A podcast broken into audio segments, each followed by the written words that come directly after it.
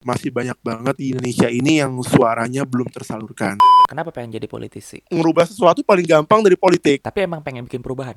Karena nanti saya akan memberantas korupsi. Yang nggak semuluk itu mungkin. Habisnya berapa? Satu, satu miliar.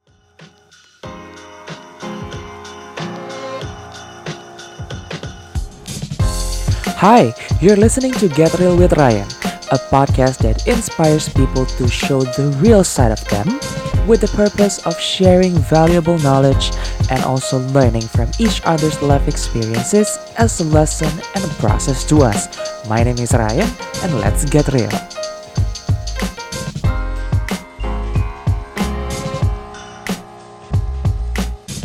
Halo teman-teman, kembali lagi di channel podcast Get Real with Ryan. Jadi sekarang di episode kali ini gue akan ngebahas sesuatu yang terjadi di milenial, yaitu adalah banyaknya pemuda sekarang yang join di partai politik alias caleg muda. Nah, kali ini sudah kedatangan bintang tamu itu teman gue ada Bang Jupri. Hai Bang.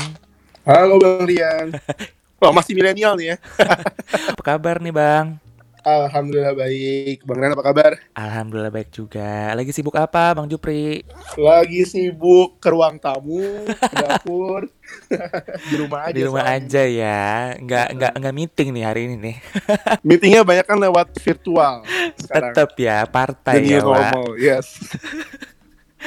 But anyway, nah jadi eh, kita akan ngobrol-ngobrol bersama Bang Jupri mengenai percalekan di usia yang muda karena Bang Jupri ini salah seorang caleg muda loh teman-teman dan sekarang sedang aktif di partai ya Bang ya. Betul Bang. Partai apa sih Bang sekarang joinnya? Eh, di Partai Amanat Nasional, Oh. PAN. PAN ya. Betul. Luar biasa. Nah, sebelum kita masuk ke tema utama, ini gue mau ngejelasin sedikit mengenai Bang Jupri. Ada fakta-faktanya nih. Yang pertama, ketika duduk di bangku SD, eh, Bang Jupri ini gemar mengikuti lomba busana muslim dan baca puisi. Wow. Banci tampil ya dari SD. Mungkin boleh Bang baca puisi sekarang. Waduh, waduh. Latihan dulu nih Bang nanti. Terus juga lulus program eh, BBA ini Bachelor of Business Administration ya Bang ya? Yes, that's right. Oke, BBA dan juga MBA ini dari Washburn University ini di Kansas, USA. Terus yang ketiga pernah jadi finalis Abang None Jakarta Timur tahun 2015 dan Bareng lo kan Bang? wah jadi ketahuan deh.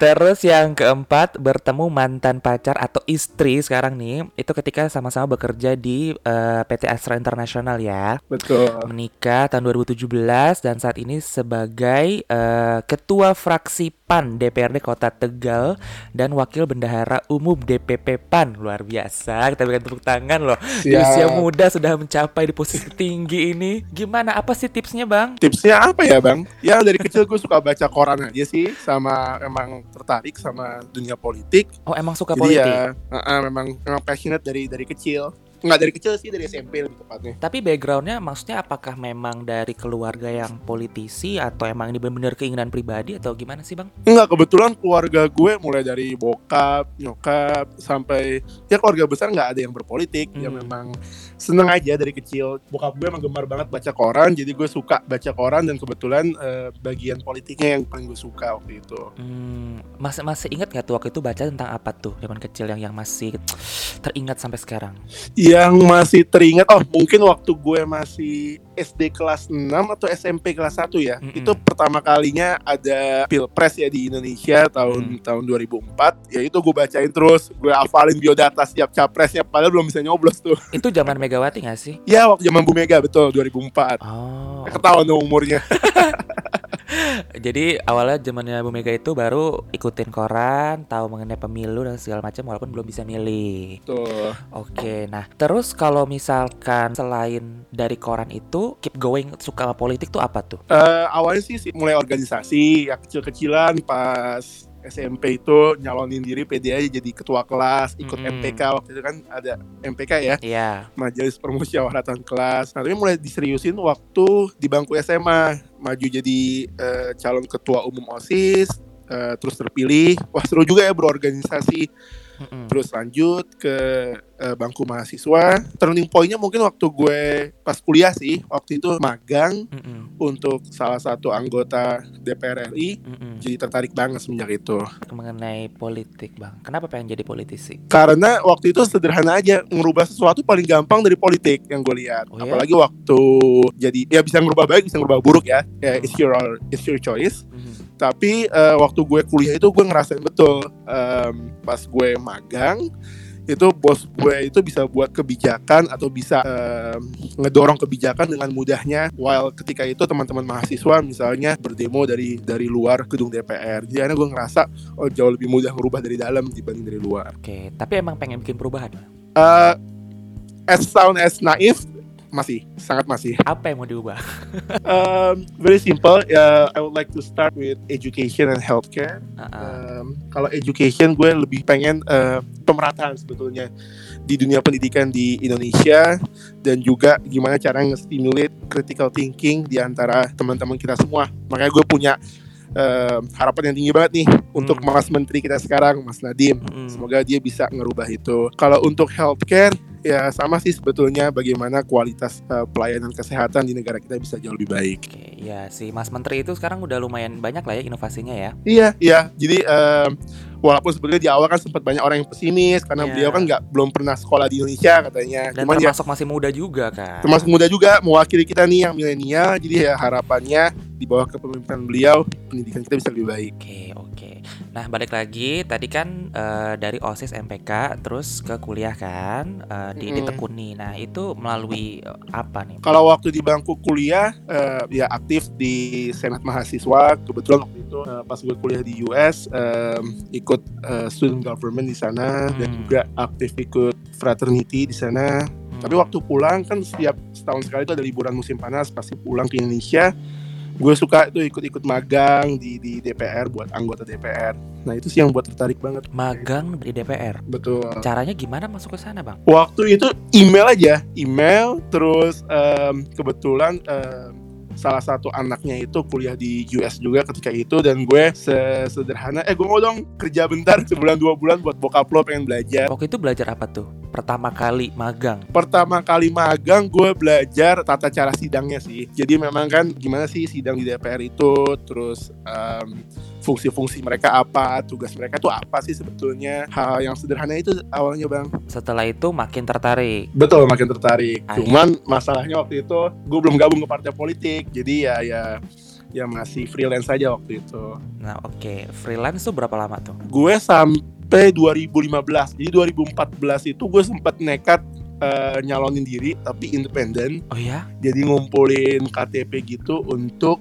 eh, Dewan Perwakilan Daerah waktu itu dari provinsi DKI Jakarta. Oke. Cuman belum beruntung ketika itu. Terus akhirnya setahun kemudian gue gabung ke Parpol. Oke, nah itu lu join partai 2015, pi langsung di PAN ini. Langsung PAN waktu itu. Kenapa milih PAN? Kenapa milih PAN? Ya pasti eh, setiap orang beda-beda ya eh, alasannya. Kalau gue waktu itu sederhananya gue pengen partai yang apa ya eh, tidak tergantung ketokohannya sama satu sosok. Terus gue lihat PAN itu quite moderate, Hmm. em, egaliter, Mm-mm. jadi nggak nggak nggak betul-betul tergantung sama satu tokoh aja. Akhirnya gue Hmm. memutuskan untuk gabung. Terus selama join di PAN kan awal-awal kan masih berarti masih muda banget dong 2015 ya nggak sih? Masih muda ketika itu. Sekarang juga masih lah. Misal ketika 2015 join masih muda banget. Nah itu orang-orang ber- berpikir apa tentang Bang Jupri? berpikir apa ya plus minus bang ya misalnya kalau yang plus wah kok masih muda udah tertarik ya ke dunia politik ke parpol hebat hebat tapi ada juga yang bilang kok ngapain masih terlalu muda udah terjun ke dunia politik apalagi kan dunia politik terkenal kotor banget dan Uh-uh. ketika itu kebetulan gue masih kerja di sektor swasta jadi agak masih diem-diem sembunyi-sembunyi tuh belum boleh terlalu kelihatan banget Banyakan yang positif apa negatif waktu itu? Um, alhamdulillah waktu itu lebih banyak positif sih. Hmm. Uh, jadi ya gimana mereka bisa ikut menyalurkan aspirasinya ke ke gue nanti gue coba sampaikan ke teman-teman PAN yang duduk di DPR RI. Bagus dong kalau gitu.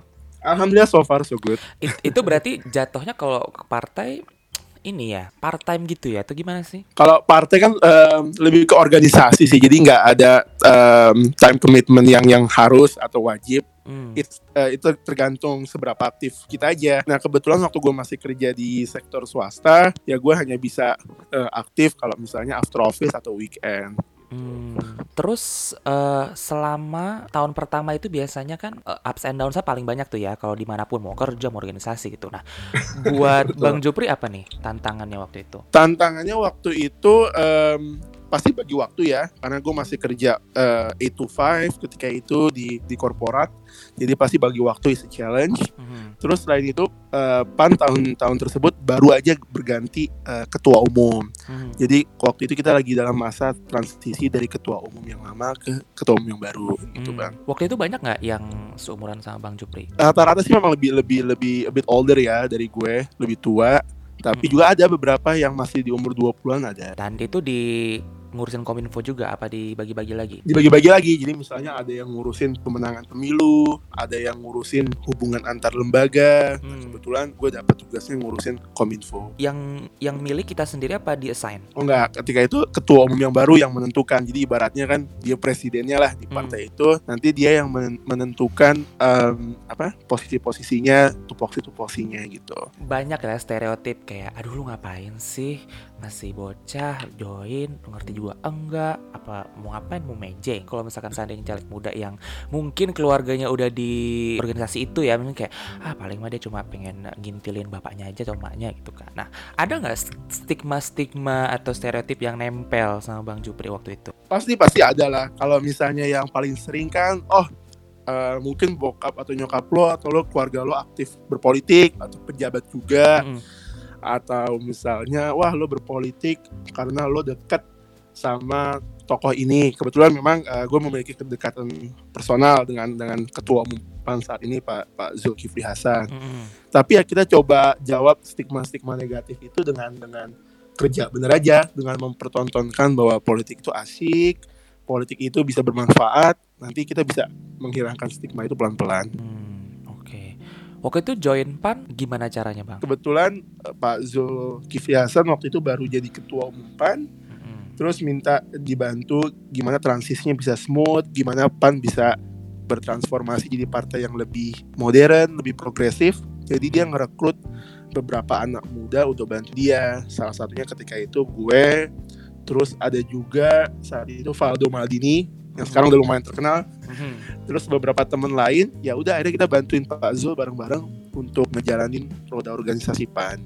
Oke, nah terus setelah apa nih kan awal tadi kan di Kominfo, terus ada project apa lagi nih waktu itu yang pernah di handle? Terus waktu itu eh, mulai tahun 2017 eh waktu 2016 2017 itu ya seperti yang kita ketahui eh, waktu itu lagi rame-ramenya pilkada terutama eh, pemilihan gubernur DKI kan waktu itu sempat rame. Jadi kita ada project di situ. Terus 2018 udah mulai aktif eh, pencalekan. 2019 ada pilek pilpres. Mhm. udah deh sekarang 2020 Yang sekarang dirimu ini jadi ketua yang di Tegal itu tuh pilkada waktu itu 2018. Pilek, pilek bang, pemilu Legislatif. legislatif. Jadi kebetulan gue kembali mencalonkan diri, tapi nggak di DKI Jakarta waktu itu tahun lalu di Kota Tegal. Kenapa pilih Gitu. Tegal bang?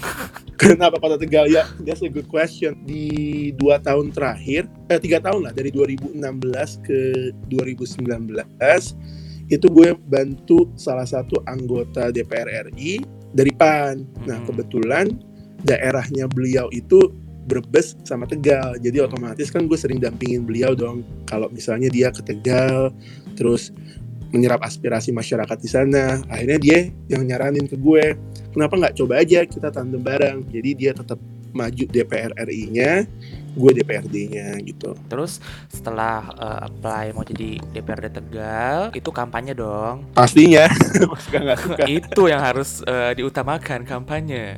Betul. Ngapain aja kampanye waktu itu? Kampanyenya sesederhananya kita going door to door. Mm-mm. Yang pasti kan kalau kampanye itu sebelum kita minta orang milih kita ya kita harus memperkenalkan diri kita dulu kan. Hmm. Nah, kalau misalnya orang yang kita ajak ngobrol itu tertarik atau misalnya suka dengan profil kita, ya baru kita jelaskan lebih lanjut tentang pencalonan kita dan juga program visi misi dan biasanya uh, ada dua sih metodenya kalau nggak door to door ya kita mengumpulkan warga di satu tempat. Nanti kita melakukan pengenalan diri gitu bang itu kampanye ya bang ya mm-hmm. apa yang lu sampaikan ke masyarakat kayak kenapa lu harus milih gue awalnya gue nggak pernah bilang kenapa lu kalian harus milih saya sih nggak pernah hmm. tadi awalnya pasti the first five or ten minutes gue itu spend untuk memperkenalkan diri gue hmm. lalu the the next five ten minutes gue akan habiskan untuk menjelaskan uh, masalah yang ada di kota Tegal itu apa dan um, apa yang mau gue lakukan untuk memecahkan uh, masalah tersebut gitu. Tapi nanti at the end of the day, apakah mereka mau milih atau enggak itu gue serahkan lagi ke mereka. Ya kali aja kayak karena nanti saya akan memberantas korupsi, saya akan memberantas apa oh, gitu kan enggak. Salah satu orang yang yang yang yang enggak semuluk itu mungkin. Uh, gue lebih ke masalah bapak ibu apa misalnya di kota Tegal dan apa yang gue coba tawarkan untuk uh, memecahkan masalah itu. Gitu. Tapi gue waktu dulu waktu 2014 sejujurnya kayak gitu sih bang. Wah hmm. pokoknya gue ingin merubah atau memberantas korupsi. Kalau misalnya kalau partai-partai sekarang mirip-mirip PSI lah, Partai Solidaritas Indonesia itu gue gue banget tuh waktu 2014. Hmm. Tapi seiring berjalannya waktu ya gue lebih matang, gue lebih gue lebih coba memahami permasalahannya di akar rumput akhirnya ya gue berubah sedikit gitu. Partai itu ngaruh gak sih bang? Menurut gue ngaruh, sangat berpengaruh. Kenapa tuh? Di masyarakat ya reputasinya apa gimana? Ya partai itu kan uh, mewakili ideologi yang yang atau nilai-nilai perjuangan yang beda gitu. Hmm. Ujung-ujungnya sama kesejahteraan masyarakat, tapi cara ke sananya kan setiap partai punya cara yang berbeda-beda. Misalnya kalau kita lihat PAN Partai Amat Nasional dengan uh, eh, PKS misalnya itu aja udah beda. Apalagi dengan partai-partai lain seperti PDIP, Nasdem jadi menurut gue sangat berpengaruh sih bang. Karena yang yang segmentasi nanti yang milih juga siapa ya? Betul betul. Ya contoh misalnya untuk Partai Amat Nasional karena kita lahir dari rahim reformasi, hmm. jadi ya pasti mau nggak mau segmentasi kita adalah orang-orang yang ketika itu ikut bergerak dalam masa reformasi gitu.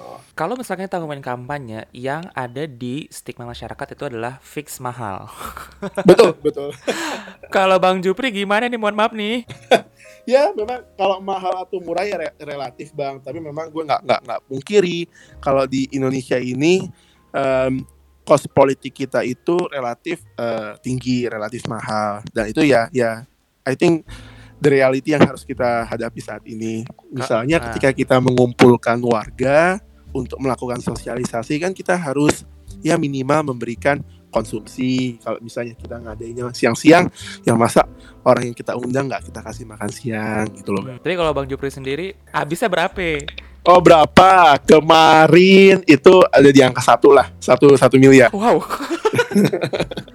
wow. Iya, kalau dan itu baru DPRD tingkat kota atau kabupaten kan. Kalau misalnya kita ngobrol DPR RI itu bisa 5 atau 10 kali lipat dari itu. Terus itu 1 M beneran duit sendiri? Beneran, beneran duit sendiri.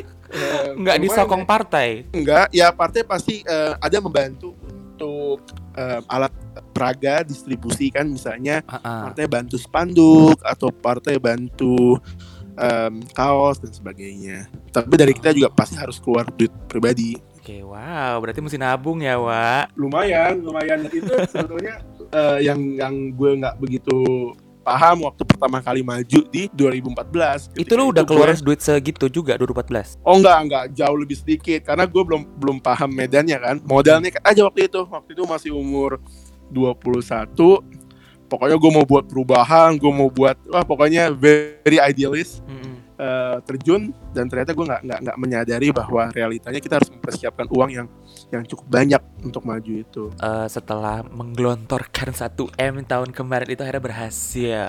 Alhamdulillah.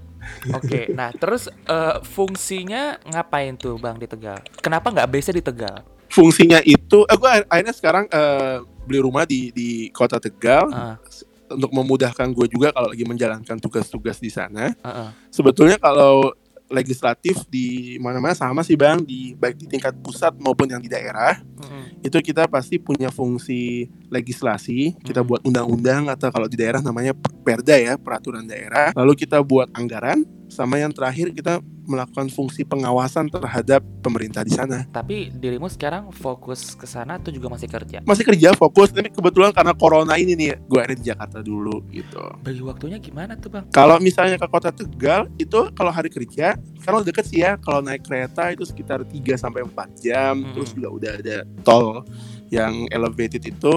Jadi biasanya gue kalau ada rapat-rapat ke sana, nanti kalau weekend gue balik lagi ke sini. Dan kantor pun nggak apa-apa dengan hal itu. Oh, enggak, gue udah eh, akhirnya setelah eh, terpilih menjadi anggota legislatif, gue memutuskan untuk resign dari kantor gue tahun lalu. Oh, jadi sekarang fokus ke sini. Betul. Dari Bang Jupri dari tahun-tahun kemarin tuh udah udah udah ada goalnya ya. Once gua kepilih, pasti gua harus sacrifice yang profesional di kerjaan gitu ya. Harus pasti eh, at the end of the day you have you have to choose eh, one over the other sih.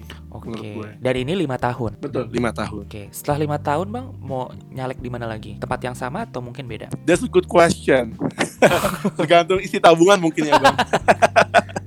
Isabel maksudnya mau nyalek di mananya apa nggak jadi nyalek lagi nih? Jadi ya kalau misalnya ada rezeki lebih ya mungkin gue eh, ada aspirasi untuk naik satu tingkatan ke DPRD provinsi. Kalau misalnya seandainya dari eh, daerah gitu ke DPR RI sebenarnya bisa, tapi duitnya doang nih yang dipikirin gitu Bisa ya. bisa nggak ada yang nggak ada yang larang, Oh, cuma duitnya aja. kirain mesti emang ada stratanya gitu dari Oh enggak enggak. Bahkan ada beberapa beberapa temen gue yang yang masih muda dan dan langsung aja dia maju ke ke DPR RI gitu, tanpa melewati yang DPRD eh, kota atau provinsi. asal kenceng aja ya, Wak.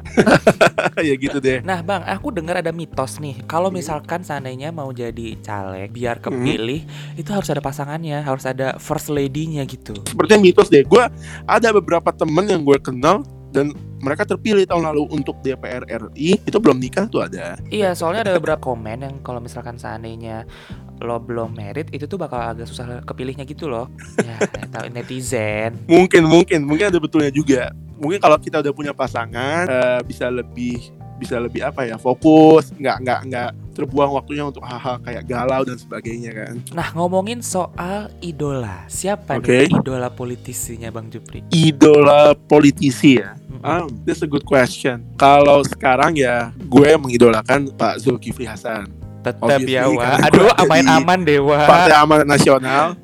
Soalnya yang yang nama kedua yang mau gue sebutkan, gue nggak tahu dia politisi atau bukan. Siapa gue tuh? cukup mengidolakan sosok Pak Gita Wirjawan. Pak Gita Yang Wirawan ketika itu itu pernah jadi menteri di era Pak SBY. Apa? Iya, iya, iya, Pak- pernah jadi menteri kan. Betul betul. Kenapa tuh eh, Pak Zulkifli Hasan jadi idola? Please jangan bilang karena dia ketua PAN ya. Kalau gue lihat eh, di, beliau orangnya reformis sama egaliter sih, dan itu menurut gue dua skill yang yang yang sangat diperlukan oleh setiap politisi kalau mau sukses. Egaliter di sini dia bisa berbaur dengan segala lapisan masyarakat gitu. Jadi nggak nggak elitis, misalnya hanya bisa bergaul dengan golongan kelas atas, tapi beliau juga bisa berbaur dengan segala lapisan. Itu yang yang gue lihat skill yang yang eh, sangat diperlukan oleh setiap politisi. Bang Jupri juga belajarnya sama Pak Zulkifli ini ya. Betul betul. Terus kalau misalkan seandainya nih eh, Bang Jupri udah jadi politisi yang yang udah udah high level lah ya. Mau Oh belum bang. enggak kan kalau kalau kan bulan kalau. Amin amin Amin, amin. gitu Siap kan. siap. Mau mau ngambil sektor apa? Wah, that's a good question. Kalau Duh bang, sektor good question mulu apa? buat jadi agak meragukan pertanyaan gua deh. Oh benar-benar karena at least kan pertanyaan Bang Rian ini membuat gue harus berpikir Berpikir kritis ya, nih. Kira-kira ya. jawabannya apa? sektor apa? Dari sekian banyak gue tertarik sebetulnya perdagangan, Bang. Kenapa tuh? Perdagangan dan industri. Hmm. Karena masih ada relasinya dengan latar belakang pendidikan juga dan eh, karir yang pernah gue mulai sebelum terjun ke politik. Jadi gue tertarik di dua bidang itu. Kalau yang lain-lain belum belum tertarik atau Mungkin belum ada exposure ke ke ke area situ sih, Bang. Nah, Bang Jupri terakhir. Yes. Kasus korupsi kan gede banget di Indonesia nih. Betul. Dan lo juga ter- Unfortunately. yes. unfortunately. Dan lo terjun di dunia itu. Ada rasa takut gak sih, Bang? Pasti pasti ada bang. Gue nggak mungkin itu pasti ada. Terus gimana dong? Maksudnya kayak how how do you uh, cope up with that? Em, kalau kata ibu gue nasehatnya ya banyak-banyak berdoa, pinter-pinter membenteng, membentengi diri Hmm. eh, agar bisa bisa eh, nggak tergoda dengan segala trik dan intrik yang ada di dalam itu. Gitu bang. Hmm, jadi kayak masa walaupun itu ada kayak ya udahlah just dive in gitulah ya. Ada dan mungkin ya next stepnya kalau kalau bisa coba em, membuat perubahan pelan-pelan dari sistem yang ada itu. Gitu. What keeps you going sih? Kenapa akhirnya stick pengen jadi politician? What uh, keeps me going adalah ku menyadari bahwa masih banyak banget orang di Indonesia ini yang suaranya belum tersalurkan. Hmm. Nah kalau lo jadi politisi, lo jadi anggota dewan, kepala daerah, lo bisa menjadi representasi suara mereka. Dan itu amanah yang kalau lo jalankan dengan baik bisa menjadi amalan ibadah untuk tabungan di akhirat nanti. Tapi kebalikannya, kalau misalnya lo nggak jalanin dengan baik, ya bisa jadi tabungan dosa juga. Jadi it's your choice again. Ayo pilih 01 Udah nggak ada lagi tuh sekarang. Udah ada lagi ya nanti. Anyway Bang Jupri, thank you so much. Udah cerita-cerita sedikit. Yes. Ya semoga sukses di YouTube, Tegalnya. Bang. Semoga Tegal semakin maju. amin, amin ya robbal alamin. Dan semoga, weh Pak, lima tahun lagi, empat tahun lagi bisa lebih tinggi lah. Amin, amin. Nantinya. Nabung dulu kita. Nabung dulu. thank you ya Bang Jupri ya. Thank you Bang. Teman-teman thank you so much for listening. Nanti kita akan ketemu di episode selanjutnya ya. Bye bye. Hey, have you tuned into other real stories on this podcast? Make sure you do. Get Real with Ryan. New episodes every Friday. Stay tuned.